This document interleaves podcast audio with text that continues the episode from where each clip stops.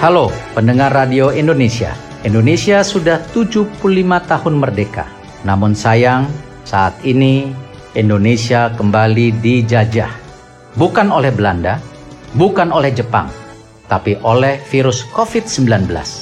Begitu hebatnya penjajahan oleh virus COVID-19 ini, sehingga dampaknya merambah ke sektor kesehatan dan sektor ekonomi sekaligus. Tapi saya percaya Indonesia adalah bangsa yang tangguh dan hebat.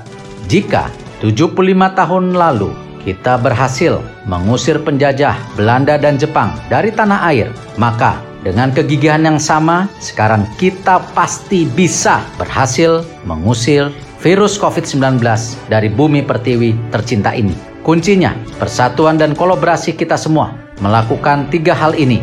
Memakai masker, mencuci tangan, menjaga jarak. Insya Allah, kita pasti menang. Saya Erick Thohir, Dirgahayu Republik Indonesia yang ke-75. Radio Indonesia Maju.